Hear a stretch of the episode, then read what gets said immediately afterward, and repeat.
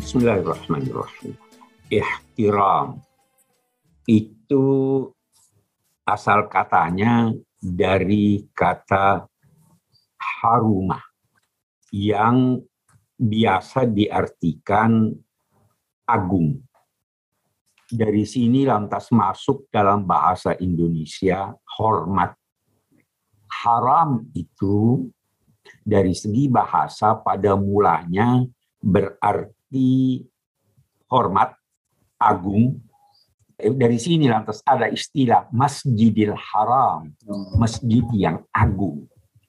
Tetapi eh, pengagungan di sini, penghormatan di sini lebih banyak ditekankan pada aspek-aspek penghormatan yang mengantar untuk tidak melakukan sesuatu yang mencederai penghormatan itu. Dari sini kemudian lahir kata haram. Haram itu artinya terlarang. Kenapa terlarang? karena sesuatu itu memiliki keistimewaan sehingga tidak boleh dilanggar dengan hal-hal tertentu. Nah, eh, tanah haram, tanah yang mulia, sehingga tidak boleh ada yang masuk di sana kecuali orang-orang tertentu dan sebagainya dan sebagainya. Eh, jadi itu jadi kalau kita ingin memahaminya dari segi bahasa Arab asalnya itu lebih banyak pada tingkah laku yang menjadikan Anda atau yang menjadikan seseorang menghindari hal-hal yang mengurangi nilai yang bersangkutan. Itu ada menggunakan istilah al-muhtaram dan al-mukarram. Sebenarnya itu beda. Itu itu beda. Al-mukarram itu kalau dari segi bahasa Indonesia supaya lebih mudah adalah yang dihormati dengan memberikan dan memperlakukan yang bersangkutan dengan hal-hal yang baik karena dia menyandang hal-hal yang baik. Jadi, kalau saya ingin membedakan antara muhtaram dan mukarram, muhtaram itu agung sehingga saya tidak melakukan sesuatu yang melanggar keagungannya. Mukarram itu agung karena dia menyandang sifat-sifat tertentu yang sesuai dengan eh, eh, objek yang saya hormati. Kita kita kita lebih jauh dia. Kalau dalam bahasa Indonesia atau dalam istilah-istilah kita ini, eh, eh, eh, penghormatan itu ditujukan kepada manusia Hormat itu, itu sebabnya hormat dalam kamus besar bahasa Indonesia diartikan sebagai eh, sikap ta'zim. Kalau dalam bahasa Arab atau dalam ajaran Islam, penghormatan dan dan takrim itu tidak hanya diberikan kepada manusia, tetapi diberikan kepada segala sesuatu yang memiliki sifat-sifat dan fungsi yang bermanfaat. Karena itu kita lihat di, di dalam istilah mukarram dan karim ini ada istilah rizkon karim. Rezeki yang karim. Apa artinya rezeki yang karim? Rezeki yang baik itu yang memuaskan, bukan yang banyak loh. Yang ya, ya. memuaskan, yang bermanfaat dan halal kita temukan istilah eh, eh, zaujun karim, pasangan yang karim. Suami istri, hmm. pasangan yang karim. Yang tampan, yang cantik, yang beragama, itu itu itu karim. Nah, segala sesuatu ini kalau memenuhi syarat-syarat terpuji pada dirinya, maka dia dinamai mukarram, karim. Beda dengan muhtaram.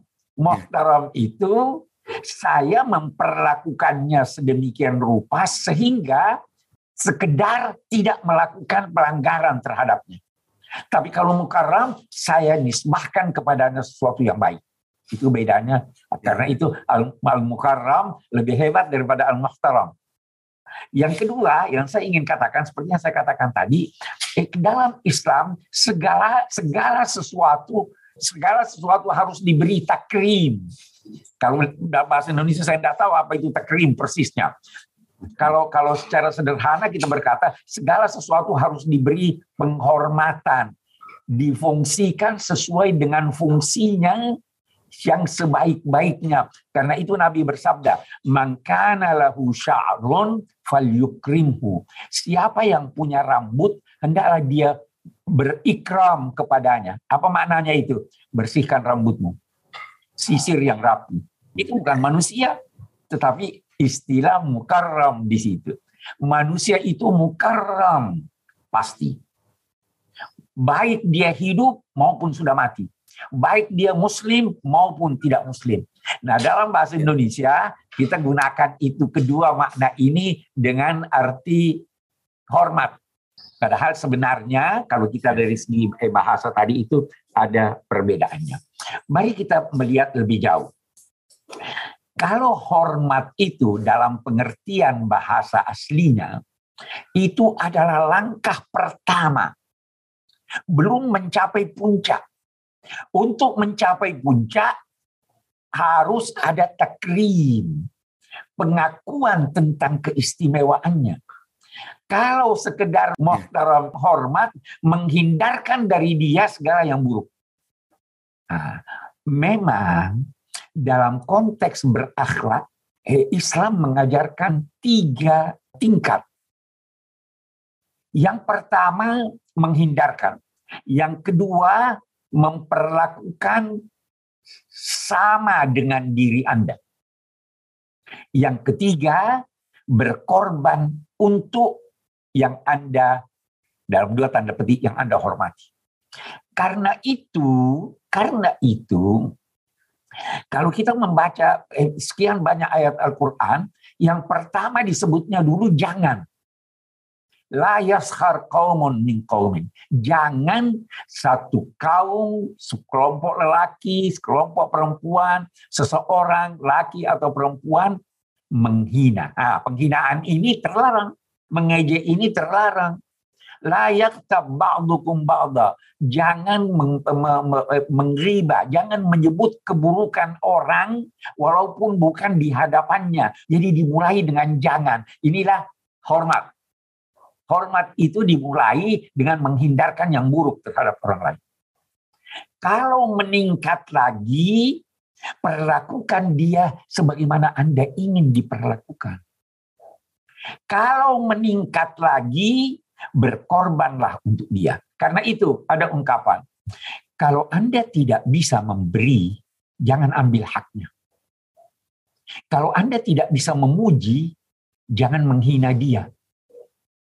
Kalau Anda tidak bisa membantu, tidak bisa menyelamatkan, jangan jerumuskan dia. Ini langkah pertama. Jadi dalam bahasa Al-Quran, hormat itu langkah pertama. Takrim itu langkah kedua. Tadhiyah itu, pengorbanan itu puncak dari segala sesuatu. Kita tidak dituntut harus berkorban.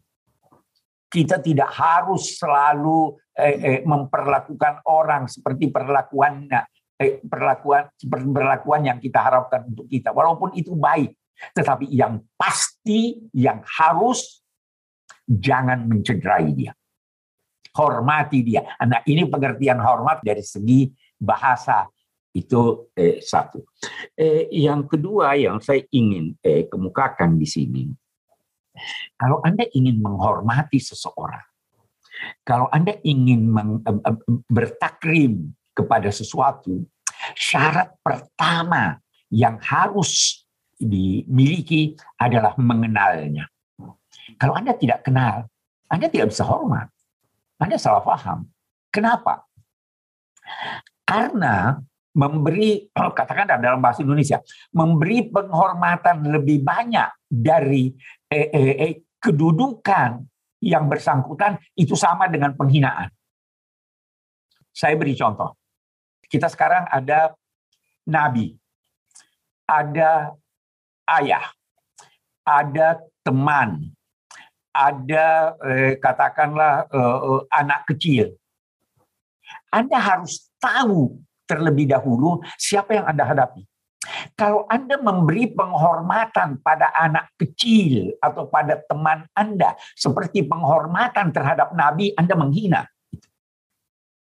Kalau Anda memperlakukan Tuhan yang Maha Agung itu sama dengan penghormatan Anda kepada manusia, itu Anda menghina.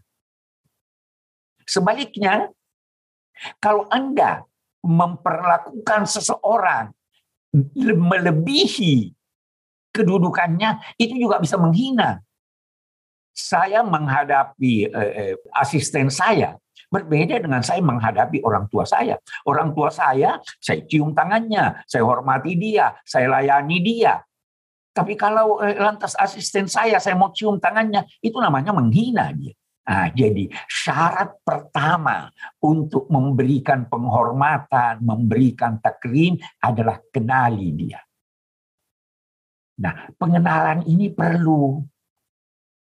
Bahkan untuk saling menghormati itu perlu juga diketahui diri Anda. Anda siapa? Kenalilah diri Anda. Di mana kedudukan Anda? Datang-datang eh, eh, eh, ini terus mau duduk di depan, di samping eh, pimpinan. Anda siapa? Itu tempat untuk orang-orang tertentu. Orang yang tidak mengenal dirinya, itu sebenarnya sebelum menghina orang lain, dia menghina dirinya sendiri. Itu sebabnya nanti kita kita kita baca di dalam Al-Qur'an dalam konteks takrim itu firman Allah dalam surat Al-Hujurat. Kita khalaqnakum min zakarin wa unsa wa ja'alnakum syu'uban wa qabaila supaya kamu saling kenal mengenal. Apa akhirnya? Inna akramakum indallah. Melalui pengenalan ada orang yang tidak tahu diri. Yang tidak tahu diri itu menghina dirinya dan menghina orang lain. Tidak mungkin dia mempunyai ihtiram itu. Jadi itu tadi. Kita kembali. Jadi yang pertama, upayakan mengenal diri. Mengenal orang lain yang Anda bermaksud menghormatinya, dan tempatkanlah diri Anda pada tempat yang semestinya. Rahimallahu imra'an arafa qadra nafsihi ada beda antara mengenal diri, menghargai diri dengan eh, eh, angkuh. Tidak, berbeda sekali itu. Orang yang angkuh itu eh, eh, melakukan satu kegiatan dengan sesumbar, ingin diketahui orang.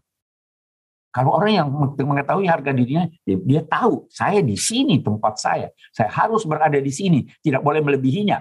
Kalau mau berkurang, itu namanya tawadu itu dianjurkan asal jangan sampai ketawaduan itu mengakibatkan penghinaan diri Anda.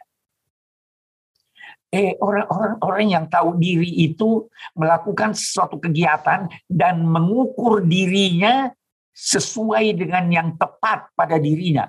Orang yang angkuh itu mengukur dirinya melebihi dirinya sehingga membandingkan dirinya dengan orang lain dan menganggap dirinya lebih hebat. Oh, itu itu bukan ihtiram, itu bukan takrim. Baik. Satu hal yang saya ingin katakan, saya sudah singgung bahwa eh, kita itu eh, sering kali eh, memberikan penghormatan dalam bahasa Indonesia ini eh, dengan mengaitkan sesuatu yang berada di luar jati diri manusia. Eh, saya, saya teringat Pernah satu ketika ada seorang pergi ke airport dengan eh, menggunakan eh, mobil eh, yang rongsokan, dilarang. Orang itu di kali lain datang eh, dengan mengendarai mobil mewah, Mercy, langsung dipersilahkan. Apa ini benar atau tidak? Ini faktor luar. Jangan mau menghormati seseorang karena ada faktor luar pada dirinya. Itu itu penting itu. Nah, hormatilah dia yang pertama kali karena dia manusia. Ketika dalam suatu peristiwa ada seorang ada jenazah diusung di hadapan Nabi. Nabi Shallallahu Alaihi Wasallam berdiri. Terus sahabat-sahabat beliau bertanya, hei Kenapa kamu berdiri, wahai Nabi? Itu orang Yahudi. Apa jawaban Nabi? Alaisat nafsan. Bukankah dia juga mempunyai jiwa? Bukankah dia juga manusia? Kita harus menghormati. Walaupun non-muslim. Harus dihormati. Nah, jadi ada kehormatan manusia. Manusia itu dalam pandangan agama sangat terhormat. Hei, apakah Anda mengira bahwa Anda hanya sosok Eh, sosok yang berdiri ini yang panjangnya katakanlah tidak sampai 2 meter. Eh, tidak. Dalam diri Anda terhimpun seluruh alam raya. Manusia itu sangat terhormat. Sedemikian terhormatnya. Saya ingin kita semua sudah dewasa. Saya saya ingin beri contoh supaya ini. Itu sperma najis atau tidak? Keluarnya sama dengan keluarnya kencing. Maaf tapi kencing najis karena dia bukan asal manusia. Tapi sperma tidak najis karena dia asal usul manusia. Manusia harus dihormati, ada hak asasinya. Hormati dia dalam memilih agamanya. Hormati dia dalam dalam pendapatnya. Menghormati orang lain dalam agama dan pendapatnya tidak berarti mengakui pendapat itu. Tapi kita hormat. Karena Allah memberi kewenangan untuk setiap orang untuk menganut agamanya. Menganut pilihannya. Mengemukakan pendapatnya. Asal dalam mengemukakan pandangan itu tidak mengakibatkan penganiayaan terhadap orang lain. Tapi soal hormat, saya hormat. Anda mau eh, menganut agama ini, Anda mau berpendapat bahwa eh, partai ini yang benar, partai itu yang saya pilih dan saya hormat. Walaupun saya tidak harus setuju dengan itu. Saya hanya minta Anda hormati saya juga dalam pilihan saya. Itu itu itu itu agama. Karena itu ada ungkapan, "Hei, siapa yang Anda temui, maka dia kalau bukan saudara Anda seagama, dia adalah saudara Anda sekemanusiaan." Saudara itu seakar atau ada kesannya dengan kata seudara. Kalau Anda mencemarkan udara, Anda ikut tercemar. Kalau Anda menghina manusia, saudara Anda sekemanusiaan, Anda ikut terhina. Nah itu itu itu yang diajarkan agama tentang penghormatan. Kita menghormati orang, tapi tidak harus kita itu sepakat dengan dia. Mari kita sepakat dalam perbedaan kita. Mari kita bergandengan tangan dalam hal-hal yang kita sepakati dan mari kita bertoleransi dalam hal-hal yang tidak kita sepakati. Saya kira itu ya, itu itu eh, beberapa hal yang saya ingin eh, garis bawahi eh, dalam konteks eh, penghormatan ini.